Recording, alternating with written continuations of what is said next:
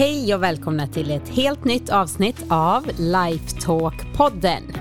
Med mig Karin Haglund, kost och hälsocoach och min man Anders Haglund, transformativ mental coach.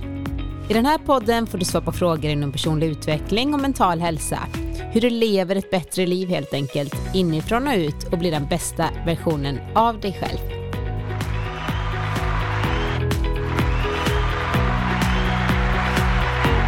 Hej kära Anders! Hej kära Karin! Hur mår du? Jo, jag mår bra tack. Avsnitt 51. Ja, Och helt så otroligt. roligt att vi har fått så mycket frågor. Mm, När vi hade förra avsnittet så hade vi en liten eh, utlottning. just det. Så nu har vi så många frågor att besvara här. Ja, Inte roligt. idag just, men framöver. En Ja. eh, salig blandning av eh, frågor inom personlig utveckling det här med att skicka in sin fråga faller ju under det som jag brukar prata om när det gäller coaching. Att oftast är det väldigt enkla saker som gör skillnad i livet. Det är, ska jag ta en frukt eller en godis? Okej, jag vet ju om att jag borde äta frukten istället för godis. Jag vet att jag kan äta frukt istället för godis, men jag gör det inte. För problemet med det där är ju att när det då har gått ett år efter de valen så plötsligt är jag kanske lite överviktig och inte har samma energi som jag har hoppats på och så vidare. Men det är ju grejen med allting i livet. Det som är enkelt att göra är också enkelt att inte göra. Och det är samma med att skicka in frågor till Lifetalk-podden. Det är ganska enkelt att göra. Man behöver bara skriva in några rader på ett e-mail och skicka till dig på karin.lifevision.se. Eller till och med på hemsidan lifetalkpodden.se. Direkt formulär där. Ja, så det är enkelt att göra, men det är också enkelt att inte göra. Men vi är ju glada då att den lilla pushen bara att man kan få lyssna på över tre timmar föreläsning med mig gjorde att man kanske skickade in den frågan man förhoppningsvis då inte bara hittat på för det här utan kanske är något som man faktiskt har tänkt att det där Mm. borde jag skicka in men så har det inte blivit av. Men nu så tänker jag göra Och det. du som lyssnar idag och tänker så här, men ni har faktiskt aldrig pratat om just det här. För vi har ju pratat om mycket i podden under de här 50 avsnitten, men vi har ju definitivt inte pratat om allt. Det finns så mycket att utforska inom eh, det mentala. Och idag har, jag, har vi lite också frågor som vi inte riktigt har pratat om. Så det här blir spännande och du vet ju som vanligt inte vilka frågor Nej, som jag, jag kommer ställa, ställa dig. Så vi ska faktiskt eh, börja sätta igång här. Prata lite politik. Är du. Oj, det var värst. Nej, men jag ställer frågan nu som är aktuell just nu. Hej! Nu är riksdags-, region och kommunvalet avslutat, men cirkusen fortsätter ännu. Finns det mycket motsättningar att komma förbi? Demokratiska systemet är bra, men det ger även möjlighet att snabbt rasera mycket bra som byggts upp för många individer om fel personer får makten att styra. De som är mentalt oklara och missnöjda verkar vara lättfångade byten för populister och andra som vill ha makt och styra. Har man lyckats bygga upp någon verksamhet så den fungerar för de flesta människor så skulle det kanske lagar och andra system finnas som gör att det blir svårt att förändra bara för förändringens skull om det inte finns klara förbättringar att vinna för de flesta som berörs. Anders har mycket kloka tankar. Vore intressant att höra hur han har, om han har några idéer om hur ett stabilare system skulle kunna utformas. Kanske ett system som inte kan förändras med hjälp av människor som inte mår bra. Det är du. Nu, nu snackar vi. Det nu är det är avsnitt ju- 51. Nu kör vi en högre nivå här. In och prata politik. Nej, Ja. men vi diskuterar lite kring det här helt enkelt. Det är ju inte riktigt eh, min expertis, även om jag som alla andra har varit eh, hobbyintresserad av eh, politik och man har ställt sig frågan vad skulle man göra annorlunda om man själv fick vara statsminister ett år och få bestämma lite grann. Så klart att man har tittat på det, men det här är ju mycket svårare än vad man kan tro.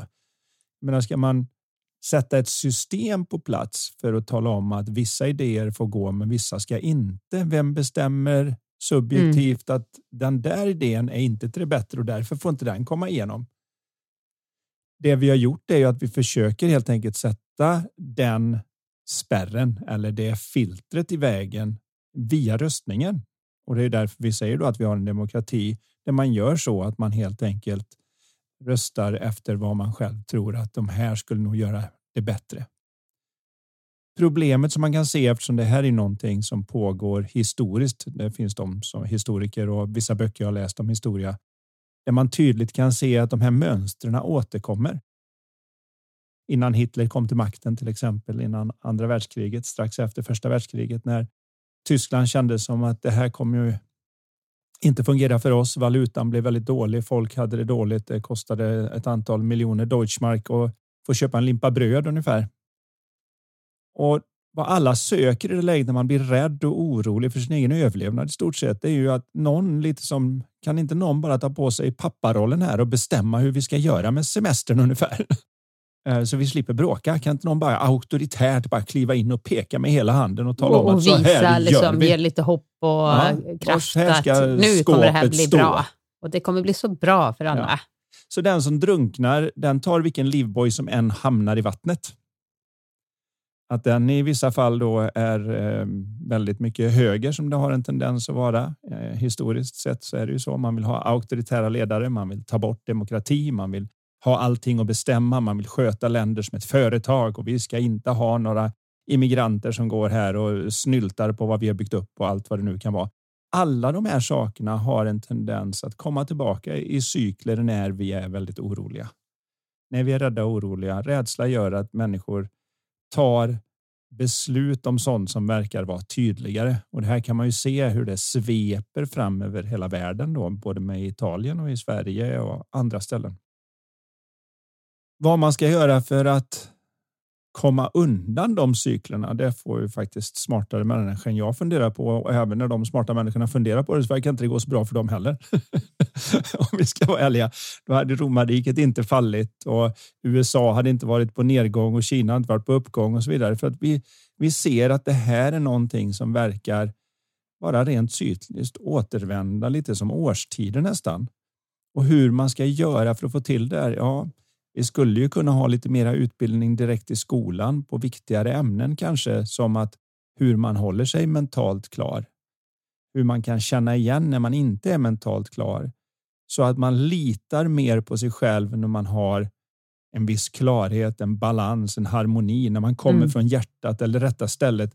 Det spelar ingen roll vad vi använder för namn för det, men vi vet alla vad vi pratar om. När vi är på ett lite bättre ställe så funkar vi bättre. Det funkar lite grann som om vi tänker.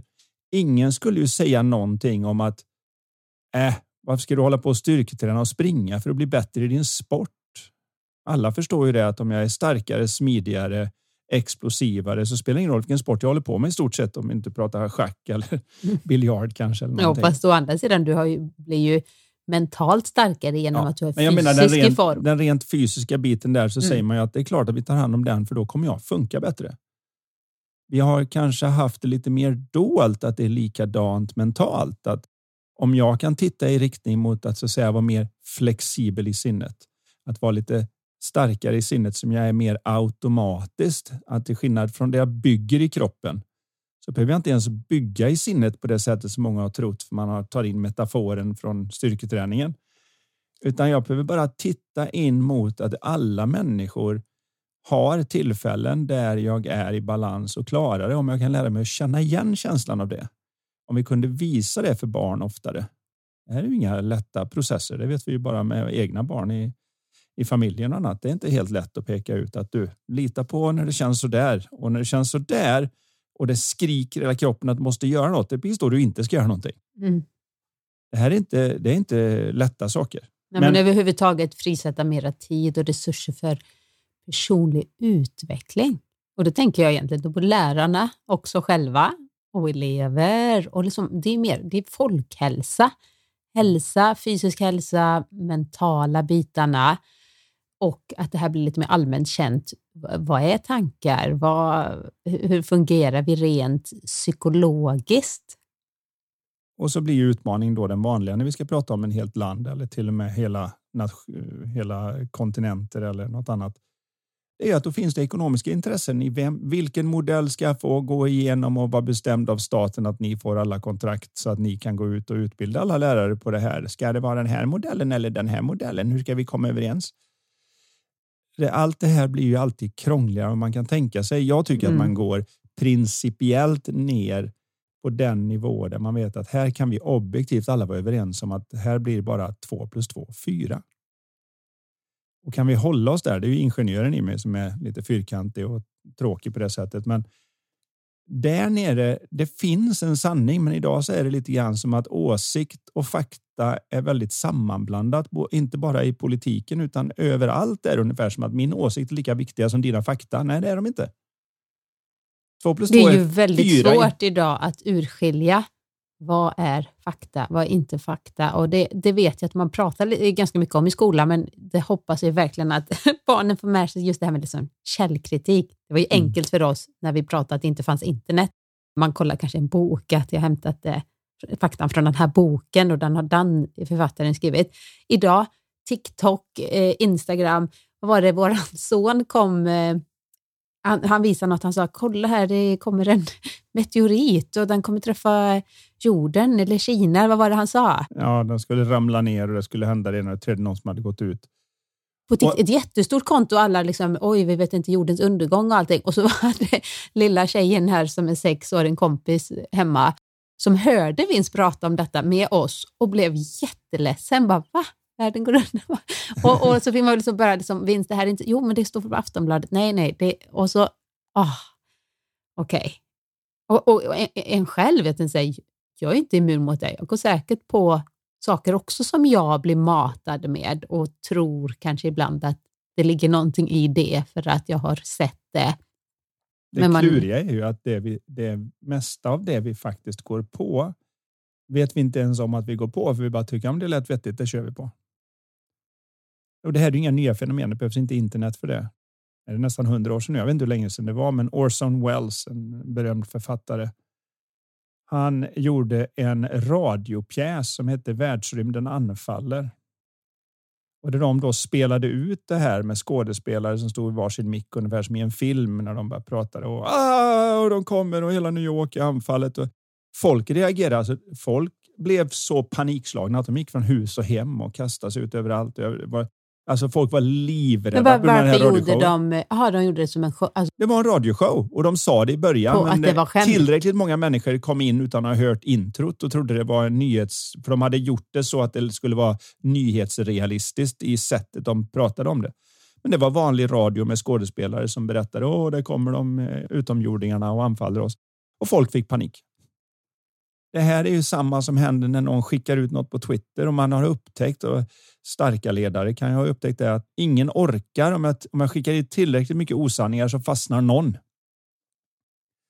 Och den disinformationen gör folk osäkra. Och det är så sen... få som kollar just. Eh, stämmer verkligen detta? Så att även om det är 5 procent som kollar så är det 95 som inte kollar utan går, det går rakt ja, det går in bara idag. rakt in och de ifrågasätter inte överhuvudtaget. Det är bara att ta en sån som Donald Trump som skickar ut nytt hela tiden så du hinner ju inte ens, du hinner ju inte och orkar inte källkolla allting.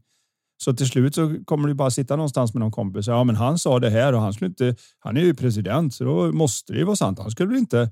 Och så går drar det iväg. Mm. Och det här gäller inte bara honom. Det här gäller. Det här gäller alla möjliga som har märkt det att åsikt kan lätt sammanblandas med fakta. Vad man gör då är att man attackerar fakta. Så att man antyder att nej, de vet inte vad de håller på med, de där vetenskapsmännen. Och två plus två är inte så säkert att det blir fyra trots allt. De vet inte vad de säger, så det är ofta de ändrar sig. Och så verkar det som att ja, men det är inte att de ändrar sig med hela grejen, det är att de blir mer och mer exakta med hur de kan beskriva det de vet. Och Det är en jättestor skillnad och därför måste alla, vill jag påstå, då, måste, vi behöver få upp två saker på Eh, i skolan för att det ska funka rent politiskt. För utbildningsgraden i ett samhälle kommer avgöra hur bra man kan ta hand om demokratin. Är folk inte utbildade så klarar de inte av att värna sig från all den desinformation som numera slängs ut överallt av alla som tycker att de har en häst i racet. Och det är allt från att det var skådespelare och det var ingen massskjutning borta i Sandy Hook borta i USA. Eftersom jag bott där så blir det lite sånt. Och här hemma slänger man ut och sen sitter ryska bottar någonstans och slänger ut rykten på ena sidan och rykten på den andra sidan, för de bryr sig inte om vem de håller med. De vill bara att vi ska vara osams. För om vi är osams så är vi inte starka. Riktigt obehagligt. Så att det här händer och kommer hända under det här valet mm. också. Det, det, han är ju inte mindre arg just nu med tanke på Ukraina och sånt. Så att det sitter ju tusentals agenter och som har i sin tur tusentals bottar som sitter och håller med någon som är långt ut på högersidan och, och talar om att ah, så är det inte. Och så går de på andra sidan och gör likadant och så skickar de ut rykten och så blir båda sidor mer och mer längre och längre ifrån varandra. Och problemet är ju det här att när någon börjar bråka så blir det alltid en massa andra som lider också. Och om några av oss börjar samarbeta så är det alltid några som får ta del av det värdet också.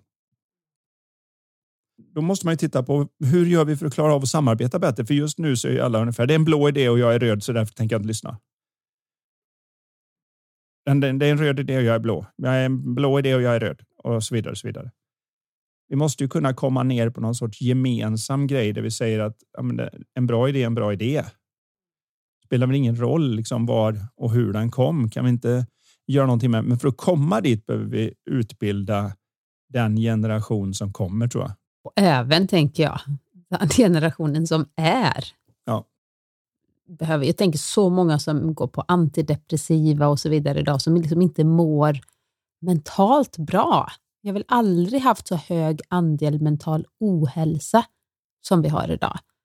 Och Det är också svårt att bygga ett samhälle med, alltså det, ja, kommer det återigen tillbaka till det här, det här är verkligen ingen lätt fråga att börja ett poddavsnitt med. Och, och det jag kan säga är så här också att du kan ju inte leda andra om du inte kan leda dig själv. Nej, precis. Där, där har vi någonting som vi kan sammanfatta det med ja, jag tycker det är kanske en av de eh, viktigaste bitarna med det hela. Att vi, vi måste först och främst kunna lära oss att leda oss själva.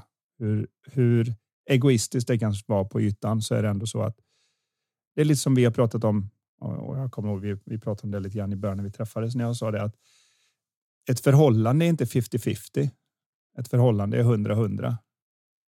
Du tar hand om dig för min skull och jag tar hand om mig för din skull. För när vi kommer tillsammans och vi båda har tagit hand om varandra, då kan vi klara av det. När båda går in med lite mindre än det så känner den andra personen det och går in med lite mindre ändå och sen börjar spiralen neråt. Den spiralen är ju samma som den är mellan två människor i ett förhållande, som den är mellan två partier som ska leda ett land, som den är mellan två nationer som bråkar. Om det inte finns en, en nivå av tillit och förståelse för vad det innebär att vara människa om man inte är utbildad på det och inte kan se hur vi faktiskt funkar och jobba med det istället för att säga att vi borde vara på ett visst sätt. Då kommer vi ingenstans i de här processerna och det blir väldigt svårt att sätta in några regler. För det här ska man också komma ihåg. Regler är något som ett osäkert sinne gärna vill ha ju säkrare man känner sig, ju mer i balans man är, ju mindre har man behov av regler för att ens egen integritet vet vad det är som är rätt. Och man behöver väldigt sällan konsultera vad är det för regler just i det här sammanhanget, utan det är mer som att det är väl bondförnuftigt. Det är klart man inte rör någon saker som inte är mina utan att fråga. Eller det är klart man inte gör de här sakerna. När vi är i balans så, så behöver vi nästan inte regler.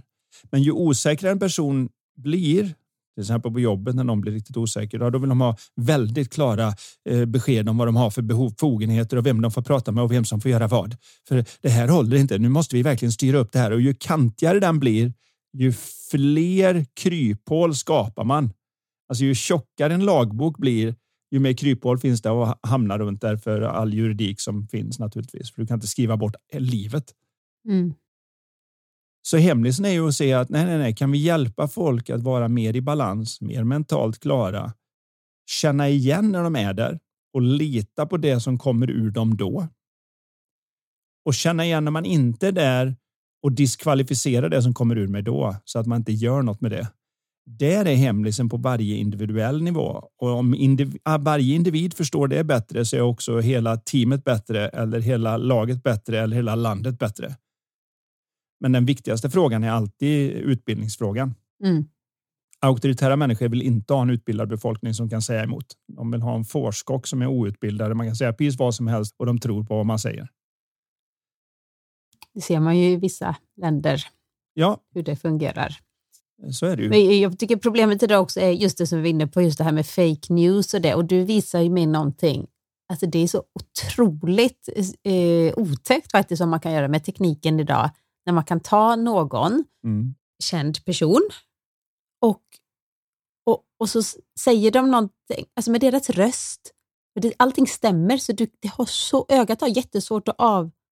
Nej, Alltså det börjar att bli se. omöjligt. att. Det Det kallas deepfake. Deepfake, just det, så heter det. Deepfake. Jag såg en bara för någon dag sedan med Tom Cruise som satt och spelade någon gitarr. Och jag utmanar vilken människa som helst och tro att det inte är Tom Cruise som sitter och spelar den gitarren. Det kan jag ju säga. Men du menar att det är Tom Cruise? Nej. Nej. Nej. Jo, Du Jaha, tar en människa vilken som okej, helst som spelar gitarr och sen lägger och du sen på lägger Tom Cruise. datorn på Tom Cruise ansikte, hans sätt att röra på munnen, hans sätt att röra på armar och ben. Oh. Och i stort sett börjar det närma sig att du verkligen får vara otroligt särskådande för att säga Eller var kanske ett väldigt inte- fan av Tom Cruise och du har verkligen studerat Tom Cruise Ja, i det- alla vinklar och vrår. Då kanske du kan avgöra, mm, va? Ja. saknas en leverfläck där? Nej. Ja, eller riktigt så brukar man väl inte göra runt näsan eller sådär. Men det, det börjar alltså bli på den nivån att du kan göra det. Och Det naturligtvis lite då kan du otäckt då. skicka ut, det börjar ju redan, kommer jag ihåg, i valkampanjen där, där den ena sidan skickade ut bland annat någon video på hon som är taleskvinna, eh, Nancy Pelosi. Där hon stod och sa någonting där de saktade ner talet och la på lite grejer så att det lät som att hon var kanonfull. Eller i varje fall väldigt påverkad när hon var på jobbet. Och så skickade de ut den överallt och x antal trodde på det och sa att vi kan ta en sån fyllekvinna på den positionen. Och det här kan du göra med allting nu och det är ingen som går säker när man väl gör det här. De kommer göra det med Lifetop-podden. Oj, oj, oj. jag vet inte vad de har för anledning Oj. riktigt, men, men det, är- det är lite otäckt för det är klart att just nu så kräver det resurser för att göra det så bra. Det, det krävs att du har en dator som är galen och så vidare och du behöver vissa program. Men som allt annat så kommer det här bli att du i stort sett kan deepfakea rakt i telefonen om något år. Därför att teknologi blir alltid på det sättet att det blir billigare och enklare. Jag menar, jag kommer ihåg den första person på golfklubben som kom ut när jag stod på ranchen och hade installerat en mobiltelefon. Och då var man så här, wow, telefon i bilen, ja, man behöver ju den nu, du vet så här. Jag kommer inte ihåg vad den kostade, men den var, det var en sjuk summa pengar. 50-60 000, vilket var mycket mer än vad det är idag naturligtvis. Vi pratar ju sent Mm. 80-tal någonstans. Och sen när man plockade ut den så var det någon handy klump på nästan 30 Och jag kom- kilo med Mm. någon telefonlur på som man kunde liksom, som inte ens funkar riktigt bra. Men det var ju då bara för de som var, jag ska inte säga ultrarika, men de som var bland de absoluta topprikaste människorna hade råd att bara ta en Var sån och först. stoppa i och vara först. Den funkade ganska dåligt. Den var ganska klankig. Den, Men de har ju Men- inget att jämföra med, så de, vet, de tyckte Nej, inte men det det är var alltid dåligt. likadant med all teknologi funkar likadant. Så att efter några år så kommer det här gå ner och nu, nu i stort sett har alla råd med en smartphone. Om man tycker att det är viktigt. Så även småbarn springer omkring med någon Samsung eller iPhone eller något. Det här kommer ju vara samma med all annan teknologi som kommer. Det börjar med att de som är snabba gör det. Jag tänker på Nu hälsobranschen. tänker jag att liksom 3D-skrivare, ja, det är kanske några nu som har hemma. Ja. Alltså några få. Mm, som, Det kommer ju snart alla ha. Det funkar lite halvdåligt. Eh, Det går att göra vissa saker om man är duktig på det och man kan göra små delar och sånt. Och har man riktigt mycket miljoner som NASA eller något så kan man göra sina reservdelar till rymdstationen istället för att skicka upp dem med en raket. Det är ju perfekt. Och sen kommer vi säkert printa ut våra kläder och våra... Ja, så, så, och rätt vad det är så har alla en sån stående hemma precis som vi nu har en vanlig skrivare eller att vi har någon form av storbilds-tv idag som om du jämför den med den där lådan man hade själv när man tittar på eh, Kalle på jularna som var någon sorts liten trälåda med en löjlig liten bild som var oval och med en taskig upplösning. Och nu, idag- ni som undrar nu då, så är Anders född 64 och jag född 78. Så vi, vi har bindar. vi kommer ihåg det här, men ni som är lite yngre och lyssnar bara, va? Mm. Pratar de om nu? vi kommer ju en bit ifrån den politiska frågan nu. Ja, det gjorde vi. Men jag vill ändå få fram att det är så pass svårt att svara på, men att om vi tittar i vissa riktningar som vi kan komma överens om allihopa, att här är 2 plus 2 4, så har vi en viss möjlighet. Och en av dem vill jag påstå är utbildningsgraden i ett land kommer att avgöra det. Och speciellt för ett land som Sverige, där vi är så pass få. Jag menar, vi är vad, 10 miljoner personer. Och så jämför du det med 1,5 miljarder människor i Kina.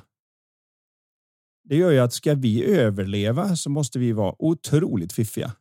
Och vi är fiffiga. Vi svenskar är fiffiga. Vi har varit väldigt duktiga på att komma på grejer. Vi har uppfunnit Allt ifrån Alfa Laval-grejer och vad det nu än är som vi har lyckats med och vi är duktiga på idrott fast vi inte är så många och så vidare. Men det är för att vi har haft en hög utbildningsgrad där väldigt många också får chansen även om man inte tillhör en viss social eller ekonomisk klass. Så att man får chans att gå i skolan utan att det kostar multum. För ska du gå på någon bra skola i USA så då kostar det järnet. Liksom.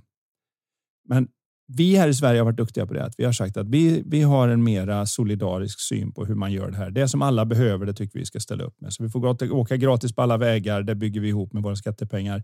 Vi försökte någorlunda sköta sjukvård. Det började rasa ihop när man började skicka ut allt på privata och de bästa läkare och andra försvann till det naturligtvis för de tjänar mer pengar där. Så det blir svårt. Men som idé är det ganska, tycker jag, jag mm. personligen nu då, för de som lyssnar ute i radiolandet eller poddlandet. Tycker det här är din är åsikt. Det här är, inte någon fakta. Det här är din personliga, är min personliga åsikt. åsikt. Att det som vi alla behöver ska staten ta hand om och så kan man räkna på hur mycket skatt vi behöver om alla betalade sin fair share. Så skulle vi lätt kunna ordna sånt där som sjukvård, skola, vägar och sån, pensioner och sånt här som alla vi, alla som föds bör ha någon del av den. Det tycker jag staten ska ta hand om. Allt det andra, marknadskrafter. Så jag ser det inte som att det, det är liksom kapitalism mot det ena och det tredje. Jag gillar en, en form av hybridmodell där. Där det finns en viss botten i det där alla får chansen eller så många som möjligt får chansen. Vissa orkar inte ta den och då behöver man ta hand om dem på något annat sätt. Men bara det att man får chansen att transportera sina varor och gods utan att behöva betala för mycket för det på vägarna. Man får chans att använda internet, det är ju en annan idag. Så att vägar, internet, mm. det är ju som att ha en dusch hemma idag nästan. Det ska alla ha på något vis. Det, det måste vi se till. Det kan staten kliva in och se till att det blir utgrävt och fixat. Och så har vi då lite andra sådana här. De tar resten, där ska staten inte in och peta fullt så mycket, utan där ska folk få springa iväg. Naturligtvis då ska de hålla lite i lagar och sånt så det, man inte springer omkring i sin törst efter att då tjäna pengar, gör dumheter för naturen eller skadar något mycket längre fram. För det är många som gärna vill låna av framtiden för att ta ut pengarna nu. Och det är klart, det ger alltid en vinst. När man säljer en t-shirt för 25 spänn så är det ju någon som har betalat. Det är en omöjlighet. Det är någon som har betalat för besprutade bomullsfält och barnarbete och vad det nu än är som gör att den kan komma fram så billigt. Det måste man ju liksom förstå. Någon betalar. Mm. Planeten mm. betalar. Andra människor betalar. Någon del av jorden betalar för att vi ska kunna få en billig grej. Men det, det är som sagt det är lite komplext. Det är väldigt komplext. Men jag skulle i varje fall satsa på utbildningsgraden mm. och att man la in lite ämnen i den kursplanen som man har för barn tidigt. För de har inga problem att förstå den där skillnaden med. Har du någon gång varit upprörd och märkt att det ser ut som hela världen är emot dig och så när du lugnar ner dig så undrar du varför gör det så stor sak av det lilla? Kan du känna igen att när den känslan går hög så är du inte helt hundra på det.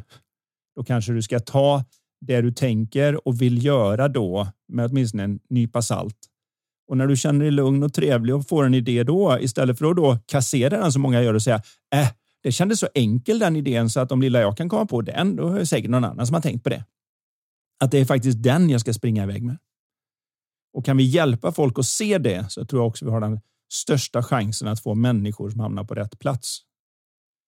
Som faktiskt gör saker som de gillar att göra som sitt jobb snarare mm. än för att det är vettigt att göra det eller det är där jag med yrkesvägledare tittar ju väldigt lite på liksom, vad är du gjord för, utan det är ju mera ungefär vad som att, där du? har du störst chans att få jobb du har i Bra, du är bra betyg på de här ämnena. Det kommer jag ihåg när jag fick sitta. Jag ville ju bli frisör, verkligen, och jag blev frisör för att jag verkligen ville det. Men den här, vad heter det, syo Heter det syokonsulent? Nej. Inte något så konstigt som att du skulle bli buktalare eller något? Nej, det var när jag gjorde det. Var, det var verkligen konstigt. Jag gjorde någon sån här test på internet. Det skulle bli buktalare passar du som. Hur sjutton kan... Jag har svarat på lite frågor. Buktalare, det är nog... Ja, jag vet inte. Eh, ja, kanske jag vet inte om den här personen blir något klokare, ja. för det här är en så svår Nej, det, fråga. Ni hör ju det. Vi, vi, vi kan inte hålla oss till ämnet. Men eh, det var lite politik. Det har vi inte pratat om innan i podden. Men nu ska vi prata om... Eh, det är du som väljer frågorna nu. Så ja, det jag vet, jag. inte ens vilka de är. Nej, men jag säger nu ska vi prata om kärlek. Oj. Ja, från politik till kärlek. Det här är en fråga då från eh, Marita. hur håller man kärleken levande i relationen? Eller kan man få in en ny gnista när det blivit, eller hur kan man få in en ny gnista när det blivit tristess, vardagsslitage och irritationer? Blir så glad när jag ser er, men även ni måste väl ha svackor efter alla år. Kram från Marita. Mm. Tack Marita. Tack Marita. Då kan jag börja med att säga, ja, vi har också svackor.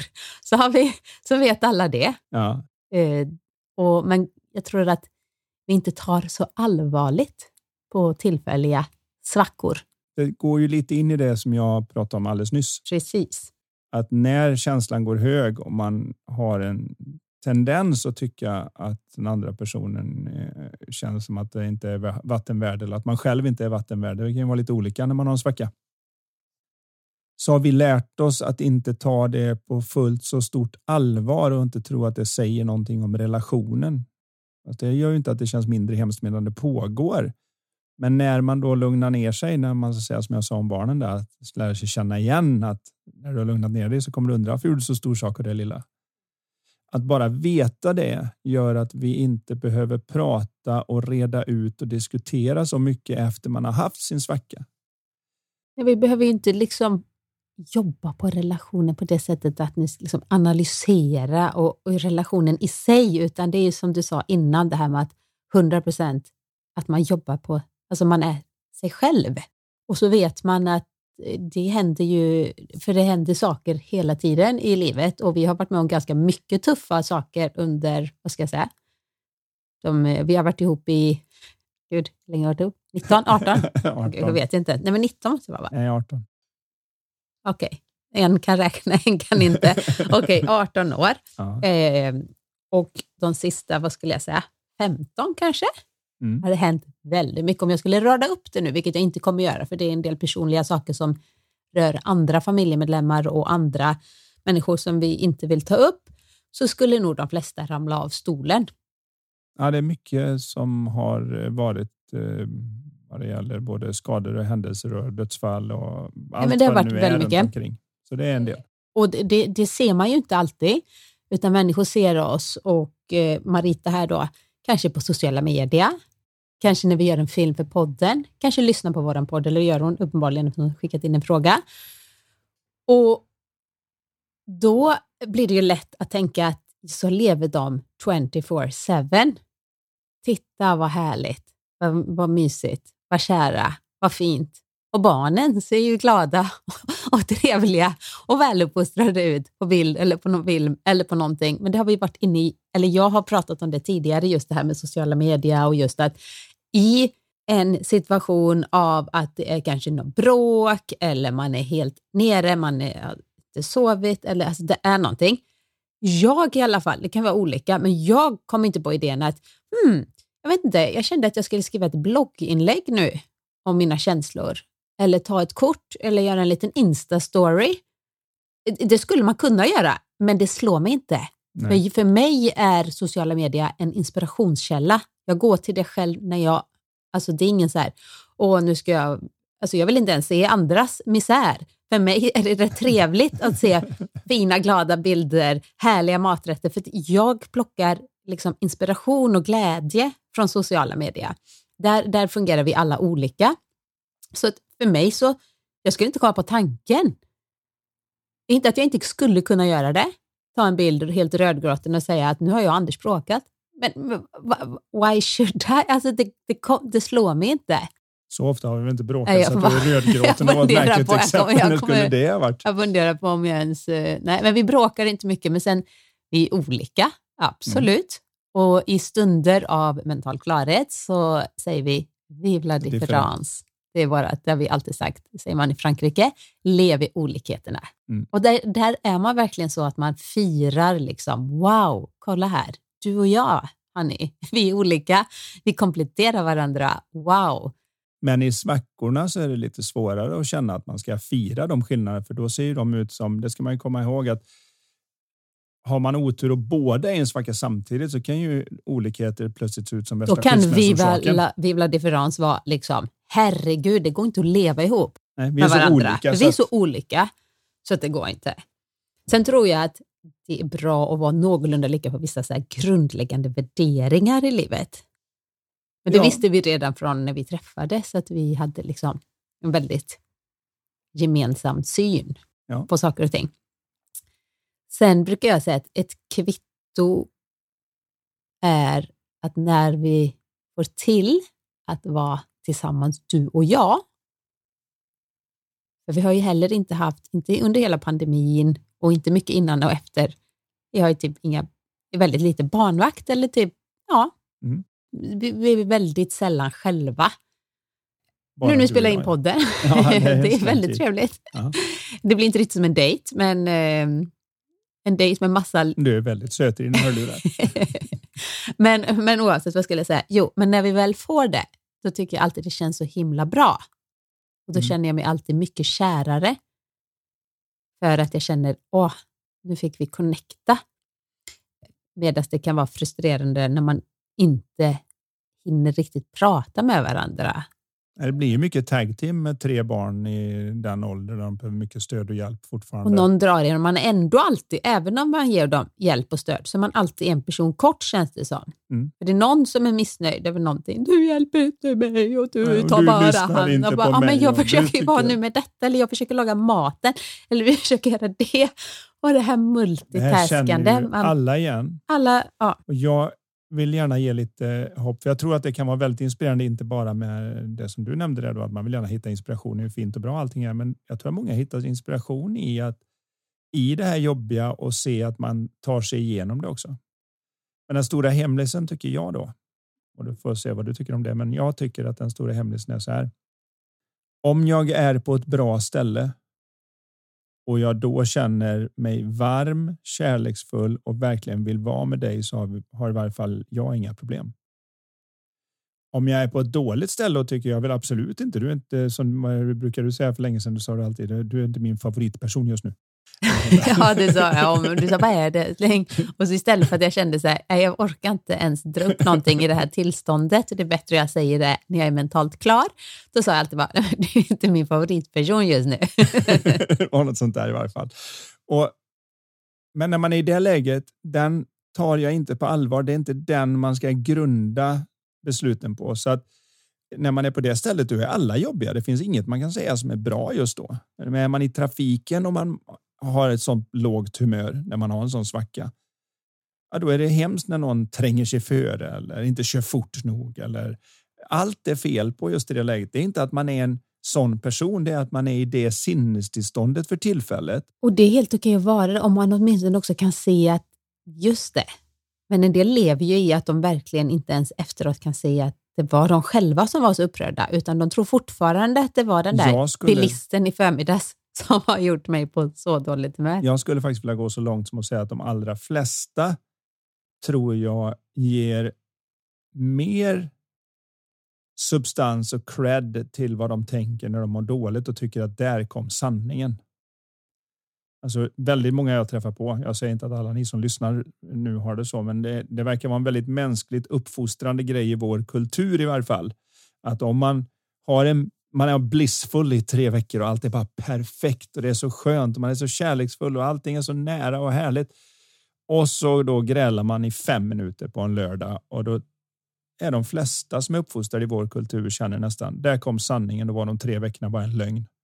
Då levde vi i förnekelse, men nu kom hur det egentligen är. Så det du sa nu när du var helt off, det kom från hjärtat Det tar och innerst inne du, det tar jag till mig som det är vad du in. tycker just nu om oss. Och då var allt det där du har sagt om hur mycket du älskar mig och vad kul det är att göra saker tillsammans. Det sa du bara för att eh, det var vad man behöver säga eller något. Det, men nu kom sanningen. Nu, nu ser vi vad du tycker innerst inne. Så tror jag de flesta tolkar det. Och jag vill påstå att man skulle kunna säga att en relation har inte ens problem om man är grälande ett par dagar och så när man båda två lugnar ner sig och tittar på varandra så inser man att wow, hej, Ja. ja, vilken grej, jag vill vara med Nej, dig. men jag tror att många, väldigt många relationer tar slut eh, av helt fel anledning, jag säga, men att all, för lätt helt enkelt. Och nästan som en flykt in i någonting annat. Jag mår dåligt nu, det måste vara du eller det måste vara vi, det är fel på vår relation. Så letar man någonting, jag vill förändra, okej, men jag bryter upp. när det kanske är två personer som inte mår bra i sig själva eller tillfälligt. Innebär inte att man ska stanna i ett destruktivt Absolut förhållande eller inte, så? Absolut inte, men ibland kan jag se att det är lite väl enkelt idag att åh, jag är inte riktigt så lycklig som jag vill varje dag, så att jag ska nog eh, det är väldigt lätt hänt och man hör det på kommentarer att när någon bryter upp att du gör mig liksom inte lycklig eller jag är inte lycklig med dig. Alltså det blir väldigt mycket den här att man lägger det på den andra personen att vara den där andra hälften, den andra pusselbiten som ska komplettera och mm. göra något istället för att fokusera på att själv vara mm. den typen av person som är bra att vara med i ett förhållande. Så man lägger nästan alltid ansvar på den andra. Du gör inte och du kan minsann inte. Och om du bara hade tagit tag i de här bitarna och förändrat dig själv och gjort de här sakerna, då hade du kanske kunnat ha ett förhållande. Men nu gör inte du det och då. Blir det så dömande och då tar man in det tankesnättet tror jag i nästa relation också. Och sen hoppsan, nu tog det slut. Men det var ju bara för att den personen var dö, dö, dö, dö, dö, dö, eller vår relation var si och si och si och så. Och så går man vidare. Och det, jag vet inte. Jag vill påstå att det är väldigt ofta det blir så att folk går från förhållande till förhållande till förhållande och när de har gjort det tillräckligt länge så fastnar de för någon som de tänker okej, okay, då får väl du och jag skaffa barn och hoppas att vi kan vara tillräckligt sams för att klara oss oskadda till döden. Alltså man, man, antingen sättlar man eller så får man för sig att det är något fel på det andra könet. Jag kanske inte är gjord för det här på något vis, utan kvinnor är sådana och män är sådana. Och det man missar är ju allt. Det är ju en person som är med hela tiden. Det kanske inte är hela det andra könet som har problem. Det är lite som de här som klagar på jobbet som jag hörde någon när jag satt på när jag var ute och reste här nyligen och satt på en restaurang så var det någon som klagade och sa det att du kan inte ana vad min chef gjorde och jag tror att min chef är psykopat och det, det, det. Ja, och så till slut då satt man och lyssnade och tänkte ja, och sen plötsligt så sa hon så här att precis som min förra chef. Och så gick det ett tag till och så visade det sig att hon har haft tre, fyra sådana chefer. Och det är klart att har man tre, fyra sådana chefer så är det nog inte cheferna, då är det en person. Antagligen inte, för det vore en väldigt, ja, eller väldigt en väldigt låg otur. procentandel Jag som tror har... det är någonting med hur den personen Upplever, dyker upp eller, ja. och ser på världen som gör att det dyker upp överallt. Och ibland får man då, min gamla ingenjörskapshjärna som tycker det, man får faktiskt se den gemensamma nämnaren ibland. Har jag varit i åtta förhållanden och allihopa har ungefär samma typ av cykel och problem så kanske man ska ta en titt på den som är där varje gång. Då kommer vi tillbaka till det enkla igen. Mm. Så i början, just det enkla. Vi vill leta de här rasist, liksom, oh, vad finns det för relationsknep och ska vi gå någon kurs och allt, men ibland är det bara så här, ja, men det enkla. Och jag ska säga så här, även om det är enkelt så är det inte lätt, för vi vet ju det att det är ganska svårt att förändra sig själv. Även om jag nu tar den här titeln och ser att jag behöver ha, utveckla mina social skills och jag behöver bli lite bättre på de här sakerna. Så det är inte helt enkelt, men jag kan säga att, eller helt lätt. Men det är bra mycket lättare än att ändra på någon annan. så att, så att, när, men hur man kan man få in en ny gnista då?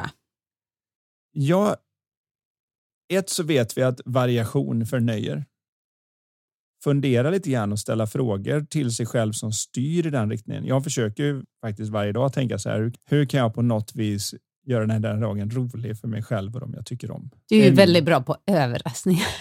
Ja, men jag, jag, nu men, gillar jag ju överraskningar. Du gillar ju överraskningar, så det är bra, men jag förstyr alltså mitt fokus med de frågorna varje dag. Det innebär inte att man försöker vara helt men jag försöker hitta små enkla sätt. För det behöver inte vara att man köper presenter och grejer, utan det kan ju vara så enkelt som att man dyker upp och bara går förbi och ger en puss i nacken lite oväntat eller att man lägger en liten lapp någonstans eller som när du skulle åka iväg och vara ett par dagar själv i stugan och få lite tystnad.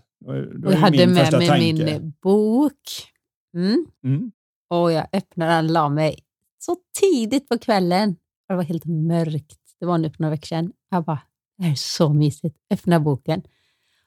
Och så hade jag typ ett så bokmärke och så låg det en lapp där typ ett litet kärleksbrev. Jag bara, va? Alltså jag blev så förvånad, men jag blev så glad. Ja, och det är ju inget som kostar något. Men Nej. det är återigen, det är lite som frukten och chokladbiten eller godisbiten. Det är väldigt, väldigt lätt att göra, men det är också väldigt lätt att inte göra. Och vad är det då som gör att man inte gör det som håller den där lilla gnistan vid liv? Jo, det är ju att jag har inte tänkt på det. Om vi är riktigt ärliga. Och vad är det som gör att man inte tänker på det? Jo, det är att man ställer inte frågan. Hur kan jag göra någonting som överraskar lite grann som det? Och, och sen också att man kommer ihåg det. att när vi möts, när vi väl får chansen att vara vi. Att man checkar in lite grann och inser att ska det här bli något bra nu, då måste jag stoppa undan alla tankepaket jag har om att nu Sen ska vi gå ut och gå på en promenad. Då kan man inte ha i huvudet att ah, nu har jag 32 mejl att svara på och någon tänker att ah, så ska vi städa och så måste vi ordna undan det där. Det det. Då är ju inte vi tillsammans. Eller om vi väl här... har barnvakt, säg två timmar, så kan vi inte gå och klaga på att vi har ju aldrig barnvakt och herregud att, att det är två timmar, det är det enda vi får och vi har ju aldrig det. Ja, men då, why? Inte dem. Ja, det är väldigt Tiden, viktigt att liksom dyker upp och tar vara på de här vardagsgrejerna, för det är lätt att tänka på allt man inte har istället för det man faktiskt har. Och som jag brukar säga på mina seminarier som många har tagit till sig, är den där att låt inte det du inte kan göra stoppa dig från att göra det du faktiskt kan göra. Och vill man ha lite gnista så okej, okay, man kanske inte kan åka på en romantisk weekend till Rom eller man kanske inte kan göra de här stora grejerna. Det kan vara både för pandemi och elpriser och allt vad det nu kan vara beroende på hur man har det ja, men jag kan fortfarande göra det jag kan göra. Men. Och också inte lägga så himla stor vikt vid det här med tristess, vardagsslitage, irritationer. Eh, yes, ja, det tillhör livet. Inte liksom att tro att det, då är allting dåligt om det blir så. Hjälp, då måste vi se oss om efter någon ny eller någonting annat. För hjälp, usch, jobbiga känslor, det vill jag inte ha. Eh, jo, välkommen till livet, det tillhör. Mm. Det är ingen fara. Var inte rädd för det. Var inte rädd för svackor. Man blir mindre rädd om man då kan se det att svackan är bara att mitt sinnestillstånd åkte söderöver en stund. Och man behöver inte vara rädd för de tankar som dyker upp om man har, för det är just bara tankar som, som man, om man har en bättre relation till dem så kan man klara av det där och då kan man dyka upp så man inte håller det emot. Det är inte tänk positivt, men det är att hålla det i en positiv riktning när man väl träffas. För ingen har någon lust när man känner sig stressad. Och det gäller att komma ihåg det att det är inte de tankar jag tänker som påverkar mig i livet. Det är de tankar jag tänker på om och om igen och tar på allvar som påverkar mig. Och när jag är där nere, när jag tar dem på allvar och kör samma tankesystem om och om och om igen, det är där uttråkning ligger och uttråkning är precis tvärt gnistan. Uttråkning är inte att min omgivning är statisk. Det är att mitt tänkande är väldigt repetitivt. Det är därför jag kan vara uttråkad till och med på en konsert om jag har repetitiva tankar om att ja, ja, det var, låter ju bättre på skivan än det gör live och varför spelar de den låten på det sättet? Om jag kör igenom de här tankarna om och om igen och jag har repetitiva tankar så kan jag vara extremt uttråkad fast jag har en väldigt skiftande utsida. På samma sätt kan jag sitta på ett rum där ingenting skiftar och köra Einsteins tankeexperiment och föreställa mig universum, ha nya fräscha tankar som bubblar upp i mig och känna mig extremt stimulerad fast jag har en väldigt konstant utsida. Om jag kan börja se det, då kan jag ta med mig den vetskapen in i förhållandet och titta på hur jag kan dyka upp lite öppnare, lite nyfiknare och lite fräschare. Och det verkar det inte finnas något stopp på hur bra man kan göra. För varje gång jag tänkte att det fick jag nog till det så insåg man att det kunde jag gjort mycket bättre och förresten gjorde jag inte det. det så då kan man börja se att om man bara tittar i riktning mot och se om man kan dyka upp lite fräschare. Om man kan inte ta de här repetitiva tankarna på lika stort allvar. Ja, då är man inte uttråkad. Många tror att uttråkning är för att det är tråkigt. Nej, det är det inte. Det är för att jag har repetitiva tankar som dyker upp om och om igen. Jag tar dem på allvar. Det är vad uttråkning är. Hindrar det från att det ska komma in nytt och fräscht, nya och fräscha. Precis, det är helt oavhängigt utsidan, men alla försöker fixa utsidan. Mm. Och det är samma i förhållandet. De försöker, de försöker fixa förhållandet istället för att dyka upp med så fräscht ja som möjligt varje gång man får chansen med sin partner mm. och då, då återknyter gnistan igen. Det är det vi hoppas med, med den här podden också, att när man lyssnar och kanske får lite insikter och upplever att ja, men jag är lite mer mentalt klar och vissa saker vi har sagt här kanske gör skillnad i den personens liv, så blir automatiskt också då kärlekslivet bättre. Ja, det är lite grann som det vi har pratat om innan när det gäller Politiken, träning. träning men, alltså all... Blir jag starkare i gymmet, blir jag uthålligare i löparspåret, så finns det ingen del av mitt liv som inte lyfter på grund av det. På samma sätt så om jag blir bättre på att se hur mycket mina tankar påverkar hur jag upplever världen omkring mig. Så att första steget för er som lyssnar ut är kanske att det är intressant. Det verkar som att tanke kan påverka lite grann. Nästa steg blir att jösses, det påverkar en hel del detta. Sen nästa är liksom oj, oj, oj, det här är ju det här är nästan alltihopa och sen till slut så blir det det här är alltihop. Mm. Det är det enda jag. Om någon skriver sin biografi så skriver de inte om sitt liv. De skriver här är vad jag tänkte under mitt liv. Mm. Med. så det, det som de inte tänker på kommer inte med i biografin. Det är det enda jag har. Så om inte mitt förhållande med min egen tankevärld förbättras kan inget förhållande på utsidan förbättras. Så vill jag titta mot en verklig lösning på att dyka upp med mera gnista så måste jag titta in i min egen i min egen tankevärld. Och då får jag sätta upp den villkorslöst. Kanske en av de roligaste kommentarer jag haft någon gång var när jag var på någon föreläsning och så dök det upp en dam i där och sa att jag var och lyssnade på dig på Park Avenue för sex månader sedan eller något. Och då pratade du om villkorslös kärlek och sånt och jag blev så inspirerad så jag gick hem till min gubbe och jag vill bara tala om för dig att det här med villkorslös kärlek, det fungerar inte. Och så tror du att villkorslös kärlek ska fungera? Ja, jag gick hem och var så jäkla vill, villkorslös mot honom i tre veckor och han ändras inte ett skit. Jag sa det var ju extremt villkorslöst av dig att hänga i precis i tre veckor innan du gav upp på honom. Men då fattade hon det när du... Ja, hon började skratta då när hon förstod det. Att, ja, men villkorslöshet innebär att jag väl... gör inte det här för att han ska ändra sig. Jag gör det för att det är bättre för mig. Att jag dyker upp och är fräsch. Om den andra personen inte vill dansa tango är inte upp till mig. Men det är bra mycket större chans att den andra vill dansa tango när man börjar bli trevligare att vara med. Så vi, man tittar in mot sig själv snarare först än man börjar titta på min partner behöver och mitt hus behöver och våran familj behöver.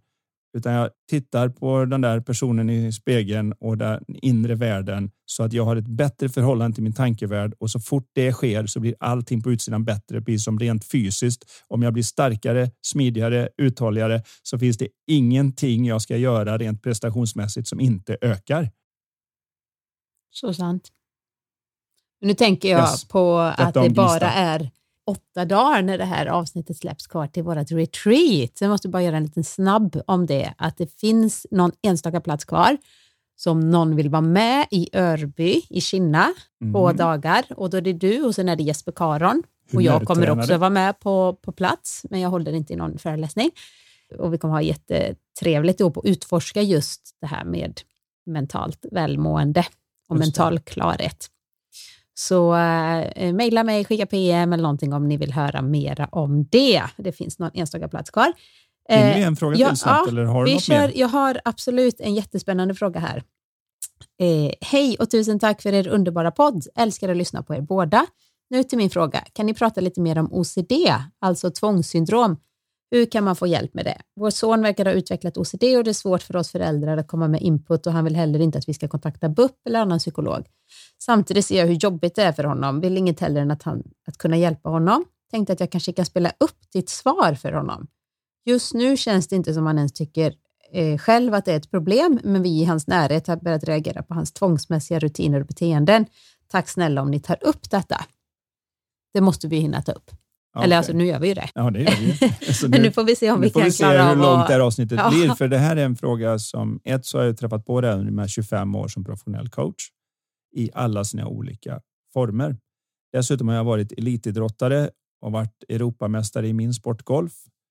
Och jag kan ju säga det att alla som blir riktigt duktiga på något har en släng av OCD. OCD, för er som inte känner till det, då, står för Obsessive Compulsive Disorder, OCD. Det innebär att man helt enkelt på något maniskt sätt har väldigt svårt att släppa en grej när jag väl börjar tänka på den. Så det kan vara allt ifrån att man sitter och petar på sin egen hud till att man måste ställa skorna i en viss vinkel för annars går det inte till vad det nu kan Eller vara. som du med golfen då som du har berättat liksom, när du bestämde dig för att ja, men jag måste sätta så här många puttar innan jag får åka hem och, sen, ja. liksom, det blir liksom maniskt. Ja, det blir så pass maniskt att, att det... pappa visste ju att mamma stod hemma med kvällsmaten och det var inte bara kvällsmaten som kokade om vi var så sena som jag alltid gjorde att det blev och han visste ju att han, mamma kommer inte ta ut det här på mig, fast det är mitt fel. Hon kommer inte ta ut det på pappa som inte fick hem mig. Men jag, jag vägrar ju. Jag var lite jobbig där, utan det var ju som nej, jag måste sätta åtta i rad, annars kan inte jag gå härifrån. Du får köra upp bilen. Ja, men det är mörkt nu. Ja, du får köra upp bilen så får du ha strålkastarna på. Jag går inte förrän jag har gjort det. Och det var så att det gick inte. Tänk vad glad han blev när det var ja, äntligen. Ja, han var säkert gladare än jag när jag satte den där sista putten är klart för jag fick komma hem i någorlunda vettig tid.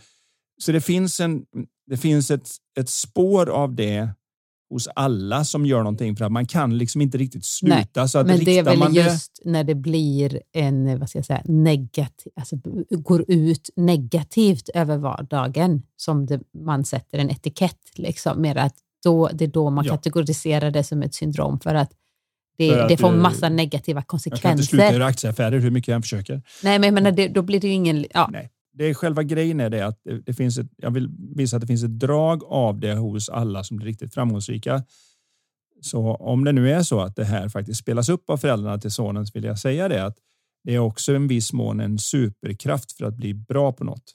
Det man behöver lära sig känna igen är när det går överstyr och det börjar ta över så att andra viktiga saker får stå åt sidan för någonting som inte är viktigt i den situationen. Och det kluriga här nu är att om jag ska gå efter alla de jag träffat på så handlar det om att när jag får en tanke som nu fastnar där det känns som att jag måste göra det här annars kan jag inte sluta eller jag, jag, jag kan inte låta bli. Då kommer det med en extremt stark känsla. Den känslan känns som att den pockar på att det enda sättet att bli av med den känslan det är att fortsätta göra det tills jag får någon sorts yes-signal som säger nu är du klar. Den kommer väldigt sällan av själva beteendet. Den kommer därför att den känslan försöker varna för att man har fastnat i tanken. Den försöker inte tala om att jag är en dålig känsla som ska få dig att må dåligt om inte du gör det här, utan det är en dålig känsla som fungerar. Jag tror jag sagt det ett antal gånger, men det är värt att upprepa just den här sitsen. Det är precis som en fysisk smärtsignal som är där för att hjälpa oss. Om jag tar på någonting riktigt hett och smärtsignalen kommer upp så är den där för att jag ska dra bort handen så fort som möjligt för att minimera skadan. Det är allt den är där för. Trampar jag snett med foten så lägger jag över vikten på den andra foten för att minimera skadan. Vi fungerar lika välvilligt rent psykologiskt. Vilket innebär att när jag får den här obekväma känslan, nästan smärtkänslan som känns som att det finns inget sätt att bli av med den. Det blir som den gamla Hollywoodstjärnan och komedianen Mae West sa en gång i tiden när hon sa att det, det finns bara ett sätt att bli av med en frestelse och det är att falla för den. Den känslan kan man väldigt gärna ha när man lider av OCD. Att, men jag har ingen annan sätt att bli av med känslan än att fortsätta göra det här tills den går över. Istället för att se att nej, nej, nej, den är där för att varna dig för att du just nu är ute och cyklar mellan öronen och den försöker säga att du ska ta det här på mindre allvar, inte på mer allvar. Och att titta i den riktningen och se mm. hur välvilligt systemet är och att den försöker hjälpa en ut ur det här genom att ta det jag tänker på på mindre allvar. Snarare än att känna att jag måste göra det här för annars går världen under nästan för mig. Att se det att jag orädd kan ta det och säga ha, jösses vilken stark obekväm känsla. Den försöker tala om att jag ska sluta ta det här på allvar nu. Snarare än jag måste göra klart nu annars att förstå den och titta inåt snarare än att titta utåt. För vad man gör med sina beteenden och ritualer och det här som kan vara att man måste gå i cirklar eller att man måste stå Kolla, och ställa saker om och om igen, dubbelkolla lås och titta tvätta om duschen är avstängd. Sån här grej att... Vad det nu än är. Det är ett försök att lösa ett intern, en intern smärta med externa metoder. Och det kommer aldrig fungera. Den enda vägen ut ur det är att få en högre intern förståelse för vad det är som pågår för att lösa ett internt problem. Kan aldrig lösa det. Och då är det väl steget egentligen bara att man blir medveten, för det kan hända att eh, den här killen inte ens är medveten om det. De första gångerna handlar bara om att se, det, men... Eh, om man kan få en enda gång där man märker att jag gjorde det inte och världen rasade inte ihop. Då har jag fått mitt första exempel på att jag kanske har gått på min egen tankebluff. Och då kommer jag syna den bluffen allt oftare. Och för varje gång jag synar min egen tankebluff, ju mindre blir OCD-kedjans tyngd att kunna hålla mig fast. Och plötsligt upptäcker jag att kedjan inte är en verklig kedja utan en helt imaginär kedja som inte kan göra någonting med mig om inte jag väljer att låta den ha kraften över mig. Och när jag Tänk ser att det är inom mig och kan släppa den och den säger bara puff så är det en lättnad som jag har sett med dem jag har hjälpt med såna här problem som gör att det känns som ett ok som vägt ett ton lyfter mm. från axlarna. För tänk hur mycket energi det blir över att rikta den här fantastiska energin och viljan att om och om igen göra samma sak tills den blir som jag har tänkt mig. Det är ju precis vad all förbättring handlar om. Mm. Men det gäller också att ha förmågan att kliva ur den och säga nu är jag klar för idag. Eller nu är jag klar för Nu timmen. är det good enough, för nu, nu är jag färdig. Nu måste jag få vila, nu måste jag få göra annat också. För jag måste kunna... Mm. Jag, jag, får inte låta det här ta över. Jag får inte den här... Jag får inte låta viktigheten i den tanke och känsla jag får ta över hela mitt liv så att jag inte har något liv. Jag hoppas att det kan hjälpa till att titta i en riktning som gör att det här kan vara enklare och att det blir istället för ett ok att bära som känns som en sjukdom som är jobbig blir eh, lite av en, en superkraft som jag kan slå på när den behövs. Mm. Jättebra svar. Har vi politik, kärlek och OCD. Ja, det var, det var en, en salig blandning verkligen. Eh, men vi avslutar som alltid med att dra ett kort från vårt eh, frågespel Lifetalk. Och idag lyder frågan så här. Vilka tre personer har gjort mest positiv skillnad för dig och på vilket sätt? En bra Den resursfråga bra. att ta fram tycker jag. Och fundera lite på. Tack för idag Anders. Tack för idag Karin. Ja, tack alla ni som lyssnat. Hej då. Hej. Du har lyssnat på Lifetalk-podden. Vi vore så tacksamma om du vill lämna ett betyg och eller en recension i iTunes. Dina frågor de kan du skicka till oss på lifetalkpodden.se. Spelet Lifetalk finns också att beställa där. Vill du komma i kontakt med oss rörande samarbeten, coaching, föreläsningar och event? Då kan du mejla till karin lifevision.se. Tusen tack för att du har lyssnat och du, gillar du podden? Dela den gärna vidare och tipsa om den i sociala medier. Låt oss tillsammans göra världen lite mer mentalt välmående.